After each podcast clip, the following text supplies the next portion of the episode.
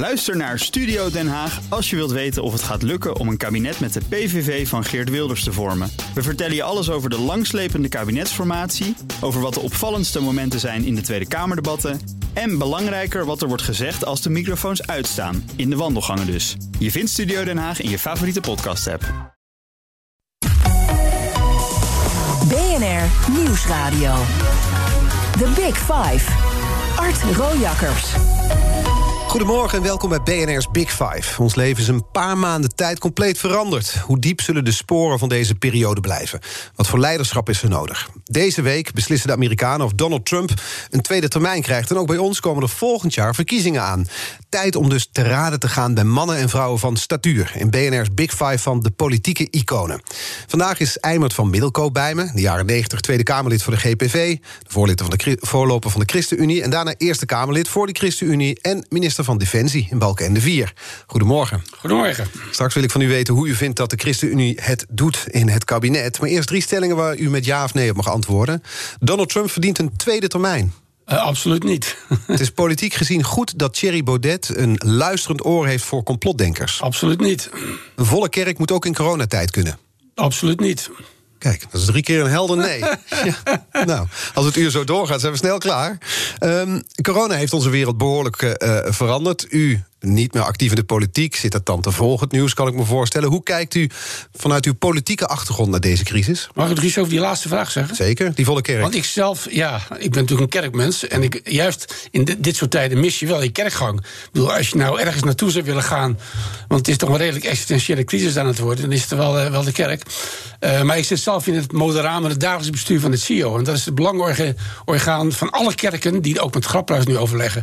Dus ik heb een sterke betrokkenheid. En mm vandaar dat die, dat absoluut niet van zo even uh, uit mijn mond misschien des te vreemder is.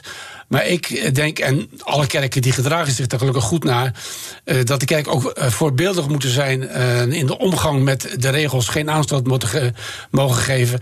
En dat ze dus niet maximaal gebruik moeten maken van hun constitutionele vrijheid. Want we kunnen nog steeds een stampvolle kerk organiseren en niemand kan er wat van zeggen. Dat gebeurt gelukkig niet. In sommige dus, gevallen wel, hè? Zitten de kerken nog voller dan de voorschriften? Uh... Ja, nee, maar dan nog wordt die anderhalve meter en, en dergelijke wel in, in, in, in, in acht genomen. Ja, maar het zijn meer dan 30 mensen. Waar, hè, zijn, kwam... Je hebt enorm grote kerken en dergelijke. Ja, maar er was, kwam kritiek op op kerken ja, die te ja, vol zaten. Ja, dat leek even aanstootgevend. En misschien was het ook, dat ook wel. Maar het was niet een regeloverschrijding. Uh, maar wij als CEO proberen ook zoveel mogelijk de voorschriften zo te maken dat die kerk gewoon toch door kan gaan, maar met een achtneming van de dreiging van het, van het coronavirus. Ja, maar hoezo was dat niet een regeloverschrijding? Er is toch zoiets als uh, de coronaregel, je komt niet met meer dan 30 mensen bij ja, elkaar. Die, die gold toen nog niet. Want we hebben natuurlijk verschillende fasen ja. uh, gehad. Maar zelfs nadat maar die dan, voorschriften nou ja, waren. Wacht even, misschien gold die wel, maar dan nog is het niet meer dan een advies. Dat... Ik blijf even stil. Ja, ja, nee, ja je, moet je, je moet je grondwet kennen. De grondwet gaat over godsdienstvrijheid, toch niet over hoeveel ja, mensen er in een kerk mogen zijn? Uh, ja, dat is de vrijheid van godsdienst en eredienst is ook gegarandeerd in de Europese verdragen. Maar staat erin dat je met meer dan 30 mensen altijd in een kerk nee, moet mogen je, zijn? Nee, nee, maar dat je vrij bent om je om je geloof te beleiden, maar kun je het thuis te beleiden. Ja, maar dat kun je ook in, in een kleinere groep ja, thuis dat is, dat is je eigen afweging. Uh, maar het gaat er even om, kan de overheid uh, dwingen tegen ons zeggen... stop bij 30 mensen? Nee, dat kan niet. Dat doen we zelf op, op grond van eigen verantwoordelijkheid. En nu weer even terug naar de CEO. Wij adviseren dat. En gelukkig houden de kerken zich er goed aan en gedragen zich zeer gedisciplineerd. Dan kunnen een heleboel jongeren in Bossen en Hilversum en omgeving een voorbeeld te nemen. Ja, zo ken ik het nog wel. Maar u noemde het een existentiële crisis, corona. Ja, nou ja, kijk, we, we zijn onder het, onder het uh, kopje crisis zijn we natuurlijk een aantal dingen wel gewend. Financiële crisis, economische crisis, werkgelegenheid en dergelijke, monetaire crisis. Uh, terrorisme. Uh, maar dit is er een waarbij, even los van terrorisme dan. Uh, die de totale mens raakt, zijn gezondheid. Dus, dus echt heel van diep binnenkomt.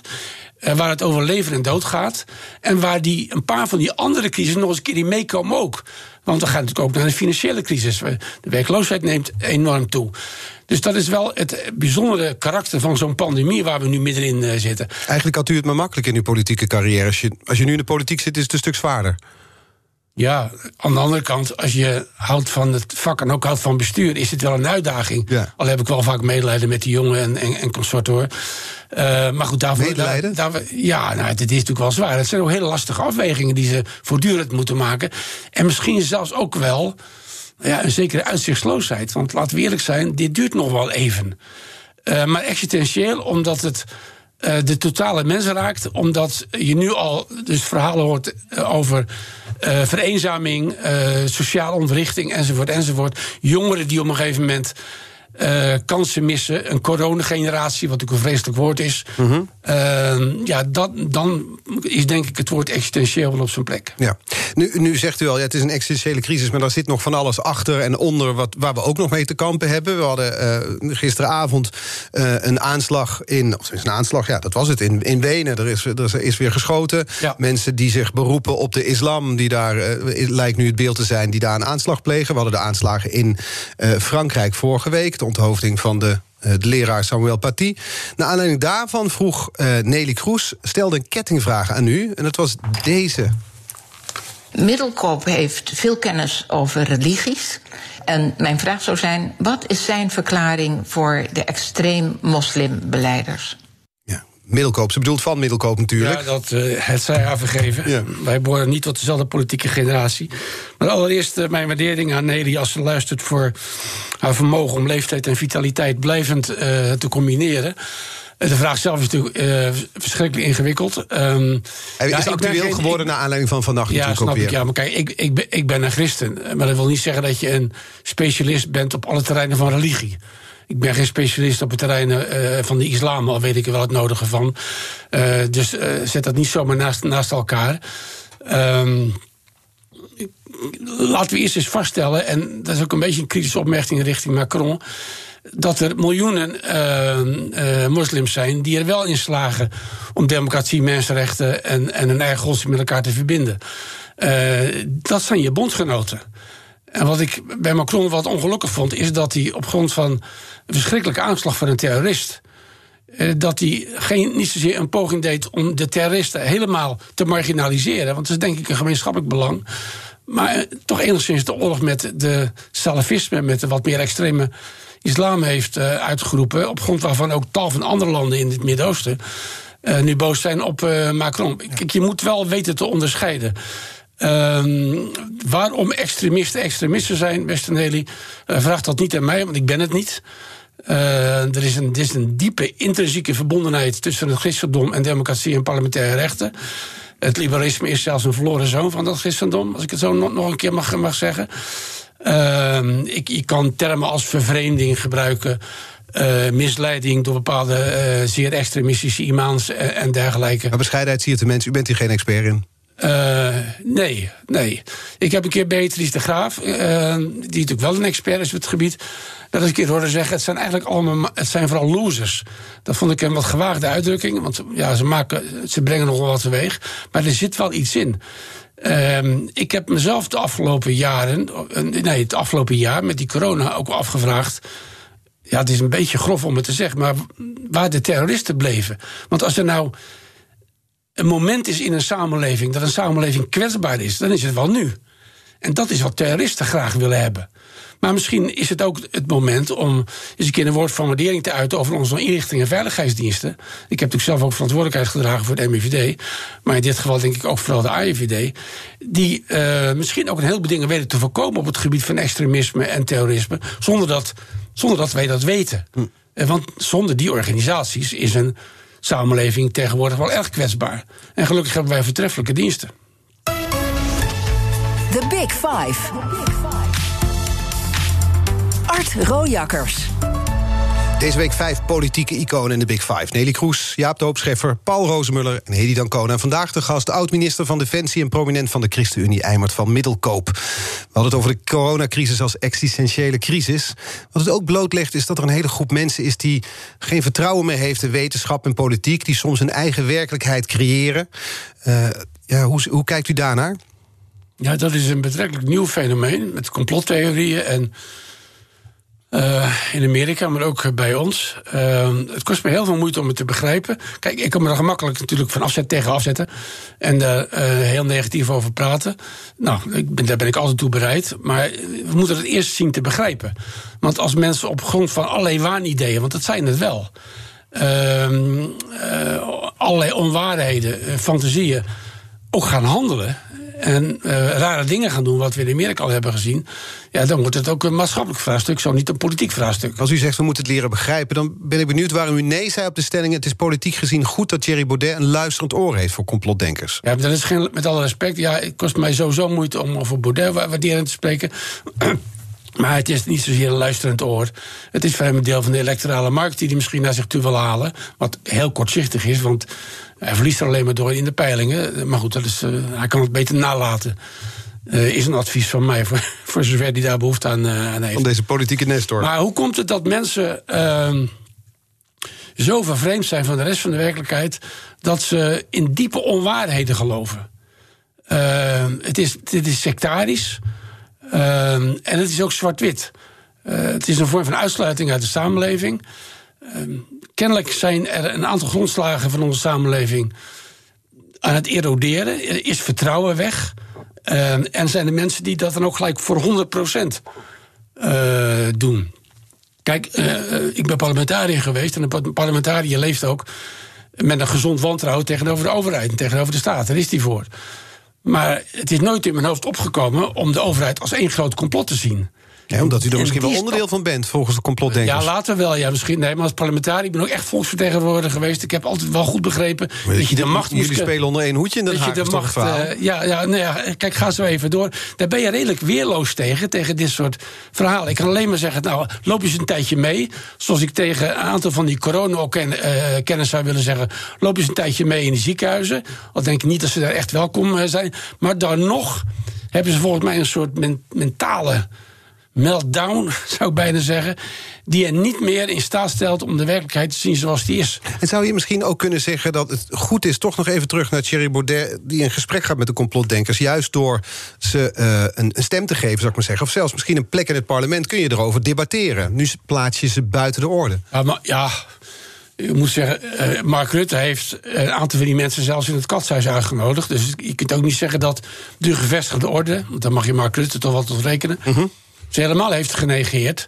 Um, ik was daar graag bij geweest. Dan vind ik dat je wel heel ver gaat om dat soort mensen uit te nodigen in het katshuis. Uh, maar goed, dat zal wel arrogant zijn. Uh, wat voor gesprek dat is geweest. Uh, of dat een gesprek tussen doven is geweest. Of dat er nog een soort bruggetje kon worden geslagen. Dus het is niet alleen maar Baudet. Baudet doet, het echt om, om electorale redenen. Snap ik. En deze mensen worden dus uitgenodigd. Dit zijn de extremen, zullen we maar zeggen. Maar er zijn natuurlijk meer mensen, niet alleen complotdenkers... maar er is, er is een breder gedragen onder, onvrede onder burgers over de politiek. Over mensen die zich niet gehoord voelen. Over mensen die boos en cynisch zijn... naar aanleiding van uh, de overheid. Hoe, hoe, moet je daarmee omgaan? Ja, maar als we dat nu maar vaak genoeg zeggen... en als u dat maar vaak genoeg vraagt aan politici... en dat is natuurlijk uw taak en uw recht... dan wordt het misschien nog waar ook. Ik liep pas ergens in een boekhandel in Den Haag... en er lagen ineens voor mij nieuw aan wat titels... Uh, zoals um, hoe, uh, het gaat goed met Nederland en, en vergelijkbare titels. Um, waar statistici en, en nou deskundigen, die mag je toch ook best vertrouwen. En, uh, nog eens een keer op een rijtje zetten. Hoe goed gaat het met Nederland? Op alle lijstjes die het toe doen, uh, doet Nederland het goed. En toch en zijn er dus mensen sterk... die ontevreden zijn. Ja, natuurlijk. Maar laten we even beginnen bij dat is een het, het diep gewortelde vertrouwen wat heel veel Nederlanders hebben in, ons, in, in, de parlementaire democratie. Dat blijkt uit, uit alle onderzoeken. Goed, dat gezegd hebben, dan heb je een groep van mensen die kritiek hebben. En daarna een groep, daarnaast nog een groep van mensen die helemaal aan het afhaken zijn. Nou, die eerste groep, daar is ook reden voor. Ik bedoel, ik, als er nou één onderwerp is, tot mijn eigen verbazing een beetje, maar die mij bijna emotioneel heeft beroerd. En terwijl ik echt wel wat heb meegemaakt. Dan is het wel dat gedoe bij de Belastingdienst. Ja, de toeslagenaffaire. Ik vind dat zo schandelijk. Wat daar gebeurd is. Wat is de schande is, daaraan, vindt u? Uh, dat mensen zo afhankelijk zijn gemaakt van een systeem. dat ze daar helemaal niet meer los van konden komen. weerloos waren. en door dat systeem ook nog eens een keer op een hele slechte manier zijn behandeld. Kijk, het is een heel bekende uitspraak dat je de beschaving van een land uh, kan afmeten aan de situatie in de gevangenissen, maar ook bij de Belastingdienst. Nou ja, op dat punt is onze beschaving dus wezenlijk tekortgeschoten en doet het dat nog altijd. Um, nou, als op grond daarvan een grotere groep van mensen een stuk vertrouwen in die overheid is gaan kwijtraken, dan geloof ik dat. En is dat tevens een uitdaging voor elk kabinet en ook het volgende kabinet Ehm, om daar aan te gaan werken. Ja, en dus zegt u, de overheid moet er meer voor de burgers zijn. Hè, dat is dan een, een, een, een uitspraak. Maar dan vraag ik me af, wie moet dat gaan aanpakken? Want alleen al op de Belastingdienst zijn meerdere staatssecretarissen gesneuveld. Uh, we, we, zitten nu in het onderzoek naar de uitvoeringsinstanties. Dus niet alleen de Belastingdienst, maar uh, ook het uh, Centraal Bureau Rijvaardigheid, noem maar op. En overal blijkt, klanten lopen tegen loketten aan... en, en, en hebben daar problemen dan.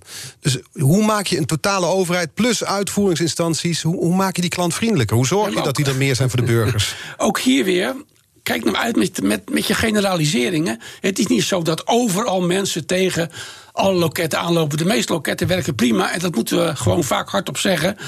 Uh, en van daaruit moeten we gaan veranderen en verbeteren waar het niet goed gaat. Nou, er is nu een parlementaire onderzoekscommissie aan het werk, voortreffelijk, taak van het parlement.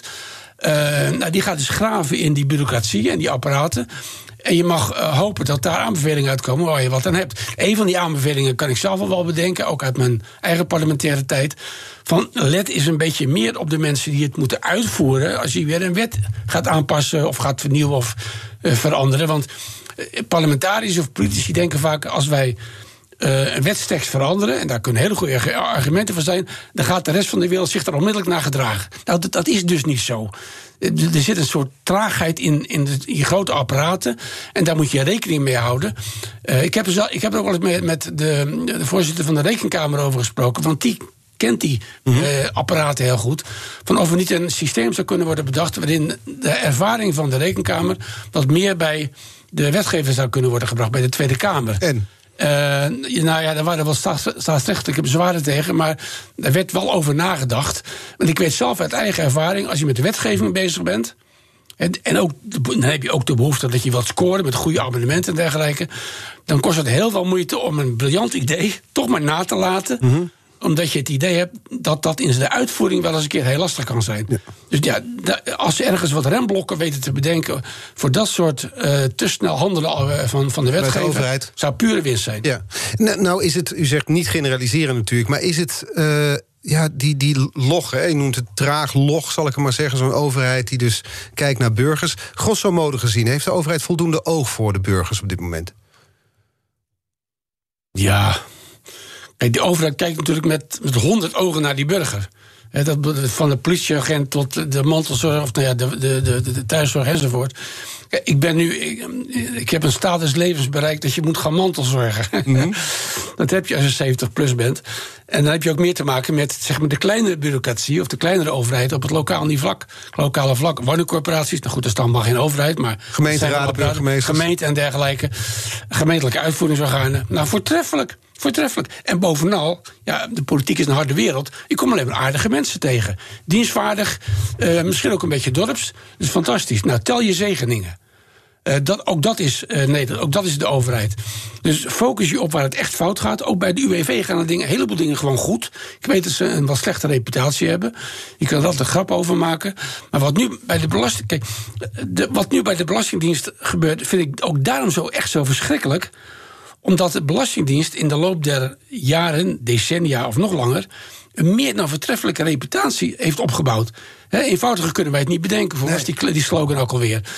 Um, Makkelijker kunnen we niet maken, nou, en dan, inmiddels wel. En, en, dat is wel een apparaat die miljoenen mensen op de een of andere manier uh, daarmee te maken heeft. Uh, en, en dat doorgaans op een geweldige manier. Als het daar dan scheef groeit, ja, des te erger. Zet corona, die existentiële crisis waar we het over hadden, zet dat nu een, rem op het verbeteren van dit soort situaties? Bijvoorbeeld bij de Belastingdienst of bij hoe een overheid omgaat met burgers? Of zorgt het voor een mooie kans? Nou, kans geloof ik niet. Maar uh, kijk, het, het, werk in, bij de overheid gaat gewoon door. Ook bij de Belastingdienst. Natuurlijk gaat dat door. Dat wordt niet echt geraakt door corona. Uh, natuurlijk zullen heel veel ambtenaren nu thuiswerken. Nou ja, als het maar gebeurt. Ik zelf, ik, ik benijd mijn huidige collega's in de Tweede Kamer niet. Uh, hoe ze nu moeten werken uh, in dat Kamergebouw met die afstanden en dergelijke. Maar het werkt wel. De controle van de macht gaat gewoon door. Het coronabeleid krijgt steeds meer een kritische reactie vanuit de Kamer. Dat hoort ook zo. De, de, wetgeving gaat gewoon door. We hebben nog pas natuurlijk vorige week in de Eerste Kamer is die nieuwe coronawet aangenomen. Mm -hmm. En, en uh, er zit ook wel een soort improvisatietalent in de Nederlandse samenleving. Ook een, een, een, een veerkracht om, ehm, ik zou bijna zeggen, het systeem wel gewoon te laten doorfunctioneren. Het blijft draaien. Gelukkig wel, ja. Ja. Vandaag de gast in BNR's Big Five van de politieke iconen... oud-minister van Defensie Eimert van Middelkoop. Zijn partij is de enige die het goed lijkt te doen in een coalitie met Mark Rutte. Andere partijen die met Rutte in een kabinet stappen verliezen. De ChristenUnie staat er juist goed voor. Hoe dat komt bespreken we zometeen in het tweede half uur van BNR's Big Five. BNR Nieuwsradio. The Big Five. Art Rojakkers. Welkom bij het tweede halfuur van BNR's Big Five. Deze week spreek ik met vijf politieke iconen... zoals Nelly Kroes, Jaap de Hoop Scheffer, Paul Rozemuller en Hedy Dancona. En vandaag de gast Eimert van Middelkoop. Zijn politieke carrière van ruim 20 jaar... ging van Tweede Kamerlid naar eerste Kamerlid... naar minister van Defensie in het laatste kabinet Balkenende. En is prominent lid van de ChristenUnie. Ja, en die ChristenUnie, uw partij, zit voor de tweede keer in de coalitie. De rit zit er bijna op. In maart zijn er verkiezingen. Dus proberen voorzichtig de balans op te maken. Hoe heeft uh, uw partij het gedaan in dit kabinet? Ja, wel goed. ja, in onze kring uh, zouden we zeggen, of zeggen we ook wel van... er zijn veel redenen om dankbaar te zijn. En dat is al heel lang zo, want de ChristenUnie bestaat nog niet eens zo lang. Uh, heeft nooit problemen gehad uh, met die fusie van voorgaande partijen. Zat na vijf jaar al, in een kabinet, uh, daar behoorde ik dan toe. En nu weer zeven jaar later zitten ze er weer in. Ehm, de eerlijkheid gebied toe te zeggen dat de ChristenUnie toen en nu de kleinste partner is. dat je er eerst en vooral, ook dat is een kwestie van eerlijkheid, in zit om een coalitie te kunnen vormen, om, om een enigszins stabiele meerderheid uh, te kunnen verwezenlijken. Dat ging bij ons iets makkelijker dan, uh, dan nu, maar dan kan je de ChristenUnie van nu uh, moeilijk verwijten. Ehm, kijk, wij zijn de ChristenUnie, wij zijn wel een. politici die bereid zijn een verantwoordelijkheid te dragen. Ook dat heb ik vaak genoeg voor een microfoon gezegd. als je dat aan een ChristenUnie-politicus vraagt, uh, of ik zou bijna zeggen aan een Calvinist vraag van... ben je bereid een verantwoordelijkheid te dragen? En dan weet je niet dat je er ook nee op kan zeggen. Nee, dat is, zitten weer elkaar. Dat hoort niet tot de mogelijkheden. Dat is een gouvernementele instelling. Ja. Dat, is, dat is ook het besef uh, van... ja, dit land moet wel geregeerd worden... En zoals Pieter Hein Dordder een keer tegen mij zei, oud-collega, van op, op zijn manier van. Er zijn twee uh, instellingen waar je geen nee tegen kan zeggen als je voor gevraagd wordt. Dat is de kerk en dat is de staat. Kijk. En ja, dat is, dat, dat is zeer Calvinistisch zou Dat lijkt me ook, ja. Hoe komt het eigenlijk dat uw partij, want u zegt goed, ze doen het nu goed. Hoe komt het dat het nu beter gaat dan in Balken en de Vier toen u minister was? Is dat zo? ja, dat is moeilijk te vergelijken. Kwestie van ervaring? Uh, ja, nee, natuurlijk. Uh, wij moesten vanaf nul beginnen. En je hebt geen idee uh, wat, uh, wat dat betekende voor zo'n kleine club. om, om er ineens ja, midden in de vuurlinie te staan. Nou, we hebben het overleefd. Het kabinet is weliswaar heeft de rit niet helemaal uitgezeten. Is gevallen op mijn onderwerp, zal ik maar zeggen. Afghanistan, Oeristan. Mm -hmm. Uh, maar we hebben, en dat is wel breed erkend, wel een bijdrage geleverd. En aan de stabiliteit van het kabinet, voor, voor zover het stabiel was. En ook als een soort pacificatie tussen CDA en PvdA, die toch met een historische belasting na verloop van tijd, begin niet, maar na verloop van tijd tegenover elkaar kwamen. het, lijkt, het lijkt alsof de waardering voor ChristenUnie nu in het kabinet groter is dan toen. Dat, dat zou tijd. kunnen, ja. ja nou ja, je, je bouwt natuurlijk een reputatie op. Uh, maar dat heeft het leven mij ook geleerd. Wij scoorden in de peilingen altijd één, twee zetels beter uh, dan bij de werkelijke uitslag. Uh, we, staan nu goed in de peilingen. Er is geen reden om te veronderstellen uh, dat wij er zetels op achteruit zouden gaan. Maar Cedar and Weiser uh, geloof ik niet dat wij er zoveel op uh, vooruit zullen gaan. Dus we hebben een vrij stabiele achter, ja. achtergrond. Zoals ik vroeger als GPV er ook wel had. Er is veel waardering voor in dit geval dan de ChristenUnie. Maar het omzetten van die waardering uh, in, in een stem, dat blijkt nog altijd heel moeilijk te zijn. Al gaat dat tegenwoordig weer makkelijker dan in het verleden met die kleine partijen. Waarbij iedereen dacht dat als je op het GPV stemde, dat je dan ook naar de kerk moest op zondag. Nou, dat was niet zo, maar ja, leg het maar eens een keer uit. Dat is ja. nu anders. Want de ChristenUnie is, de ChristenUnie is toegestapt in het kabinet met Mark Rutte. Dat is voor de andere partijen die in de peilingen uh, staan er nu slechter voor. Eigenlijk elke partij die met Rutte ging regeren heeft verlies geleden. CDA, D66 staan nu ook op verliezende peilingen. ChristenUnie staat dus inderdaad die twee zetels winst. Maar dat is virtueel, zegt u. Dat gaat uiteindelijk. Ja. Nou ja, nee, dat hoop ik natuurlijk niet. Ik zou het fantastisch vinden als we een keer een beloning zouden krijgen. Uh, voor, de, voor het dragen van verantwoordelijkheid. Dat vond ik uh, tien jaar geleden al. Uh, en zeker nu, want uh, als je ziet wat bijvoorbeeld Karel Schouten de afgelopen jaren voor de kiezer heeft gekregen, nou, die mag wel een zekere beloning krijgen, dat vind ik wel. Maar goed, zo, zo, zo Waarom mag ze beloning krijgen? Is dat niet echt een antwoord op de protesterende boeren bijvoorbeeld? Moet ze daarvoor beloond worden? Nee, nou ja, dat ze recht overeind blijft misschien. Nee, het is voor mij ook moeilijk te overzien wat er nu daadwerkelijk is bereikt op dat terrein. Ja. Uh, maar goed, uh, ik zei dat ze veel voor de kiezer had gekregen. Uh, niet alleen aan boerenprotesten, maar ook een stikstofcrisis en, en wat niet al. en omdat ze zo zwaar heeft gehad, verdienen we het ChristenUnie een zetel extra. Volgens mij is er een aantal mensen in het kabinet wat heel blij is... dat ze af en toe eens narigheid naar Carola kunnen doorschuiven. Omdat Carola wel ook, ook een soort vermogen heeft om buiten harde kritiek te blijven. Ze heeft zoveel persoonlijk krediet. Uh, nou oké, dan leg je daar met de aardigheid uh, neer. En dat gebeurt dan ook. Mark Rutte en de stikstofcrisis, nou, schrijf het maar naar Carola. Nou ja, zo zou ik het ook doen. dus dat is wel goed gedaan. En ik hoop dat dat een keer beloond wordt. In het algemeen zie je dat in de westerse wereld democratieën, verkiezingen vaak afrekeningen zijn. Mm dat, is, dat is je opmerking over, uh, over D66 en het CDA. Dat geldt dus weer niet voor de VVD. Uh, maar ja, dit zijn wel bijzondere omstandigheden. En ik moet nog maar zien of het enorme coronakrediet, om even een nieuwe term te introduceren. Ja. Uh, wat nu kennelijk voor Mark Rutte opgehaald doet, ook nog uh, er is. In maart nog bestaat. Want we zijn weer een hele tijd verder. Misschien is het zagrijn dan zo toegenomen. En dan komt de kritiek op sommige maatregelen. dat het in zijn tegendeel uh, keert. Ik vind dat hij wel veel waardering verdient. Dus voor mij mag hij wel wat winnen. Hoe kijkt u eigenlijk naar de, de, de D66-partner binnen dat kabinet? Want in principe is het natuurlijk een partij die heel anders aankijkt. tegen een aantal cruciale dossiers voor uw partij: euthanasie, abortus. Dus in die zin, ja, ik kan het in religieuze termen zeggen. heeft uw partij door te regeren met D66 de ziel verkocht aan de duivel? nou, dat vind ik een beetje onaardig om de. Nee, maar ik, ik moet wel eerlijk zeggen, dat heb ik misschien ook al eens een keer voor deze microfoon gezegd. Iemand met mijn politiek verleden vindt het nog altijd heel merkwaardig. En dat kost mij ook moeite uh, dat wij met D66 uh, in zijn, zijn gegaan. Um, kost u nog steeds moeite? Ideologisch, uh, nou, minder. Kijk, uh, ik heb me al, al tien jaar geleden een keer met Tom de Graaf staan praten. En toen zeiden we wat een beetje gekscheren tegen elkaar. Ja, misschien moeten we nog eens een keer samen gaan regeren. Omdat de, zeg maar, de middenpartijen, de partijen die bereid zijn om verantwoordelijkheid te dragen. Ja, die beginnen langzaam terug te nemen naar 75 stemmen in de zetels in de Kamer. Dus je hebt niet, niet even meer de vrijheid om nee te zeggen. Als de SP nee blijft zeggen, als GroenLinks maar nee blijft zeggen tot mijn verbazing. Uh, nog afgezien van Wilders enzovoort. Ja, dan moet de rest het wel doen. Nou, nogmaals, zoals ik al eerder zei, als je beroep de doet, dan doen ze het. Mhm. En zo zit D66 ook wel in elkaar. Ja, maar, dus... ja, ik heb natuurlijk in mijn politiek verleden alle grote debatten meegemaakt over abortus, over euthanasie, over het homohuwelijk, you name it. Um, ja, waarbij D66 altijd die ideologische tegenstander was.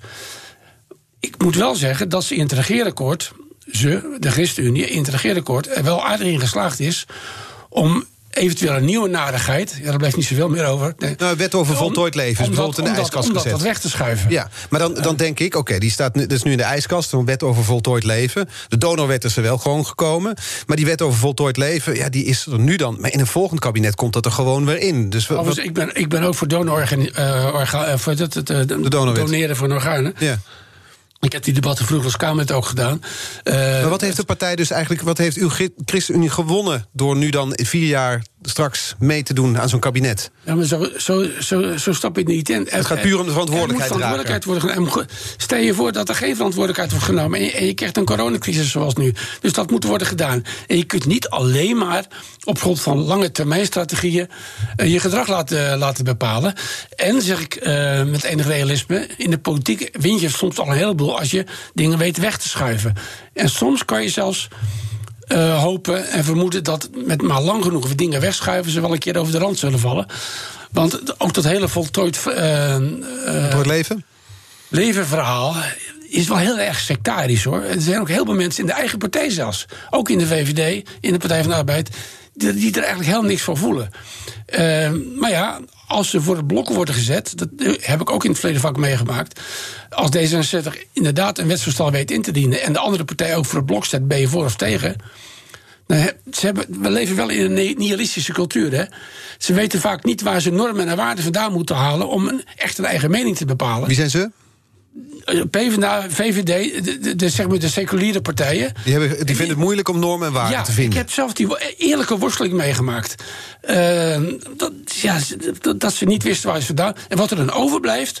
Nou ja, dan, dan steun je maar alle argumenten die voortvloeien uit het zelfbeschikkingsrecht.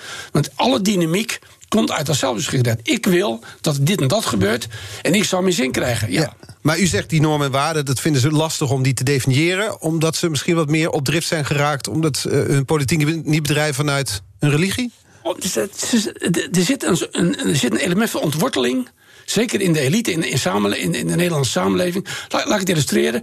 Toen uh, in de Kamer werd gedebatteerd over het homohuwelijk... was er een collega van mij van de PvdA die daar tegen was. Op allerlei uh, uh, gronden. En die sprak dan wel eens met ons... maar die werd ook in zijn eigen fractie... had hij het heel zwaar. Ehm, maar die heeft op enig moment gezegd... die zei tegen mij... ja, ze zien gewoon mensen als atomen... die met allerlei manieren zich met elkaar kunnen verbinden... Of je dat nog mag normeren en hoe je dat zou moeten doen, ze hebben geen flauw idee. Dus zei die collega, heb ik op een gegeven moment voorgesteld van als je het nou echt niet weet, zei hij dus over zijn eigen collega's. En ik praat er niet laatdunkend over, hè, mhm. want het is ook een vorm van morele verlegenheid. Mhm. Als je het dan echt niet weet, ga dan te raden bij de traditie. Hij zegt of ik helemaal gek was geworden. In Nederland een beroep doen op de traditie.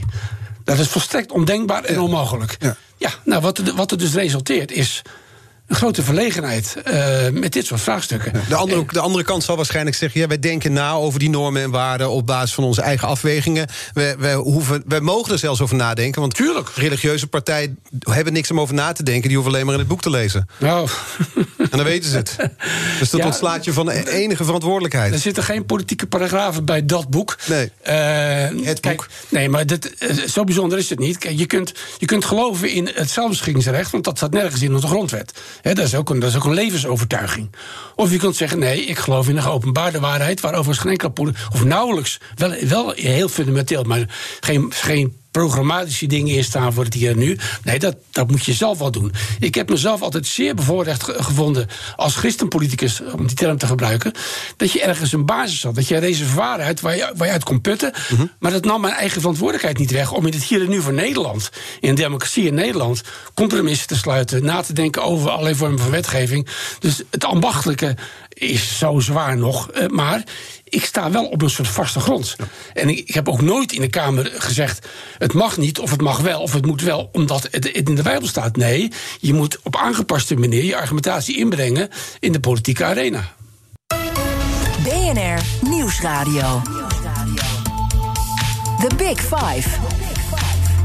Art Rojakkers. Je luistert naar BNR's Big Five van de politieke iconen. Vandaag de gast Eimert van Middelkoop, oud-minister van Defensie voor de ChristenUnie. We hoorden Jurgen al, hij gaat het zo een uur lang hebben over die Amerikaanse verkiezingen. Ik vermoed dat we er nog wel meer over gaan horen vandaag en morgen. Ja, want het moet duidelijk worden vannacht of Donald Trump een tweede termijn krijgt als president. Of dat Joe Biden het roer mag overnemen. Tenminste, denkt u dat we morgenochtend de uitslag hebben? Ik, ik betwijfel het, maar uh, vraag me niet om echt te profiteren op dit uh, punt. Uh, ik maak me ongelooflijk veel zorgen over, wat ik nu hoor en lees. Maar ik, ik, hoop toch maar dat, dat de, de, de, journalisten die vanuit hier naar Amerika zijn gegaan, op dit moment vooral de extreem opzoeken. Nou, die zijn er genoeg. Dus dat levert uh, natuurlijk journalistiek interessante producten. en ik hoop een verkleurd beeld op. ja, en dat er dus nog een grote massa is van Amerikanen die dempend zal inwerken. Ja, op wat af en toe bijna het begin van een burgeroorlog lijkt te zijn. Ja. Het beeld krijg je wel, hè? Want er worden nu winkels in grote steden worden, worden dichtgetimmerd. Uh, mensen die zich met, met wapens lijken te melden bij stemlokalen wordt voor gewaarschuwd. Ja. Ja, en dat is niet het Amerika dat ik, dat ik ken uh, en dat ik wil, wil zien. Uh, maar het is wel een soort Amerika wat door Trump natuurlijk ook wordt gevoed. En dus zegt u, ik wil geen tweede termijn voor Trump? ja, ja die, zelfs die eerste termijn is natuurlijk al een ramp geweest. Dus laat staan een tweede termijn. Wat was de ramp in de eerste termijn? nou ja, daar, daar, kan je eindeloos lang over praten, maar laat ik één ding noemen. En hier, hier, spreekt echt een, een, politicus vanuit Nederland. Een van de, van ergste zonden die hij heeft begaan, en dat bedoel ik even in politieke zin. Dat is het ondermijnen van het vertrouwen in alle belangrijke instituties. Kijk, Amerika is in zoverre een bijzonder land. Het, wordt niet zozeer bijeengehouden door een geschiedenis of mhm. door een gemeenschappelijke cultuur. Ja, inmiddels wel een beetje, maar vooral door de grondwet. Grondwet is het document. Functioneert daar totaal anders dan in Nederland. Uh, en in die grondwet zijn op een hele intelligente manier een aantal instituties gecreëerd. Zoals de Senaat, Huis van Afgevaardigden, de rechterlijke macht, Hoge Raad. En u zegt, heeft Trump te weinig... En hij heeft bij alle grote instituties, de veiligheidsdiensten, het leger, laat ik die ook nog even noemen... heeft hij dus ondermijnende opmerking gemaakt. Het vertrouwen Kijk, we hadden het in het begin van de uitzending over het afnemend vertrouwen van mensen, in, in, Nederland in dit geval, in de overheid. In Amerika staat het nog veel sterker. Trump heeft dat alleen maar gevoed. Ja. En de, kijk, als lange termijn strategie is dat natuurlijk rampzalig voor een land. Uh, want je moet instituties moet je koesteren. Ja, maar toch is het... En binnen die instituties moet je politieke ruzie met elkaar maken. Ja, maar een, een, belangrijke baas voor de Republikeinse Partij... en dus ook voor Trump zijn, is de streng christelijke achterban. Ja, ja. Snapt u dat ze op hem hebben gestemd... of dat ze weer op hem stemmen? Nou, dat kost me de grootste mogelijke moeite. Maar uh, kijk, die achterban uh, vertegenwoordigt ook een soort cultuur... vooral van het platteland... die volkomen vreemd stond aan uh, Hillary Clinton, aan de, aan, aan, aan de andere kant ik zou bijna zeggen D66 van Amerika. Dus dat ze uh, dat niet wilden en dat ze die weg wilden hebben, dat, dat is het enige wat ik heb begrepen. Dat ze nu nog uh, op. Uh, op, op Trump zouden stemmen, daar begrijp ik helemaal niks van. Ik vind wel dat Biden nogal wat kans heeft gemist om gebaren te maken uh, naar nou ja, die groeperingen. Om te laten zien van als ik president ben, dan ben ik de president van alle Amerikanen. Dus dat zou een verschil kunnen zijn. En dat zou een verschil kunnen zijn. Hij had misschien ook een andere vicepresident moeten kiezen. Het lijkt me een fantastische vrouw. Maar ze heeft een zeer radicaal uh, links profiel. Althans voor die mensen. Uh, maar goed, uh, misschien kunnen we weer eens constateren wat een zegen het is dat je hier een veel partijdemocratie hebt in Nederland. Blijft u vannacht op? Dat je, nee. Gaat u nee, niet kijken? Dat, nee, nee dat, is wel, dat is een lastige vraag. Uh, dat je misschien denkt. Uh, ik, ik, ik, zie het morgen wel, maar... Ja. Je kunt ook de wekkerradio naast bed aanzetten, BNR. Ik heb de, laatste de hele nacht gaan we hier door. Twee keer, twee keer des morgens uh, heb ik mijn smartphone opengegooid om een bittere pil te moeten slikken. Ja, dat is geen originele observatie natuurlijk. Dat was bij Brexit en dat was mm. bij de verkiezing van Trump.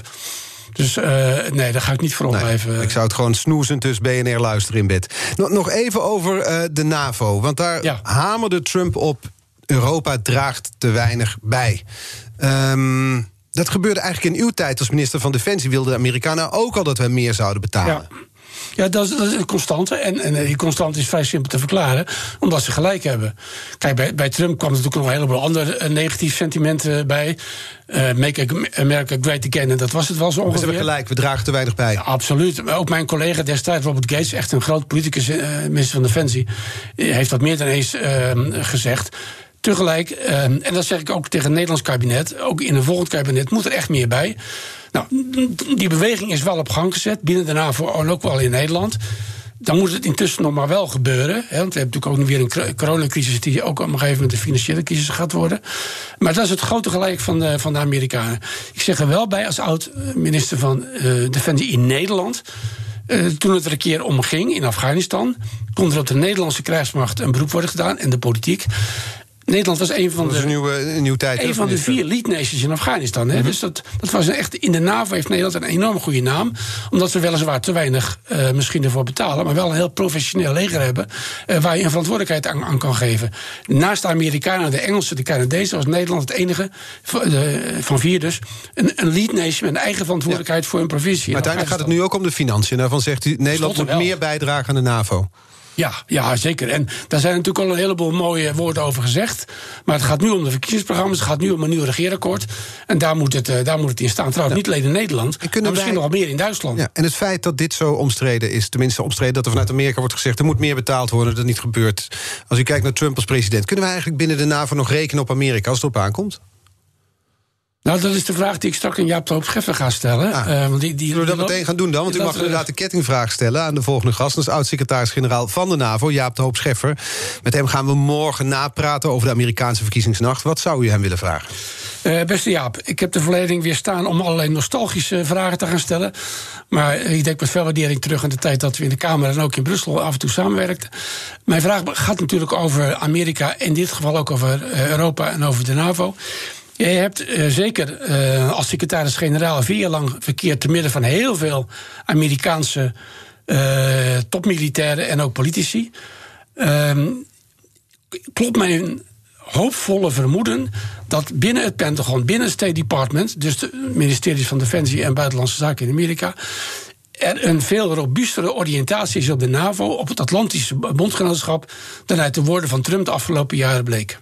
Oké. We zijn benieuwd naar de hoop Scheffer wat hij daarop gaat antwoorden. Want tegelijkertijd praat u zo over een land waarvan u zegt... Ja, als ik de beelden zie, dan lijkt het wel alsof ze afsteven op een burgeroorlog. Ja, maar goed, we zijn... Uh, ja, dat is op de, uh, op de straten, zal ik maar zeggen. Mm -hmm. uh, daar hoef je nog niet een heel land af te schrijven.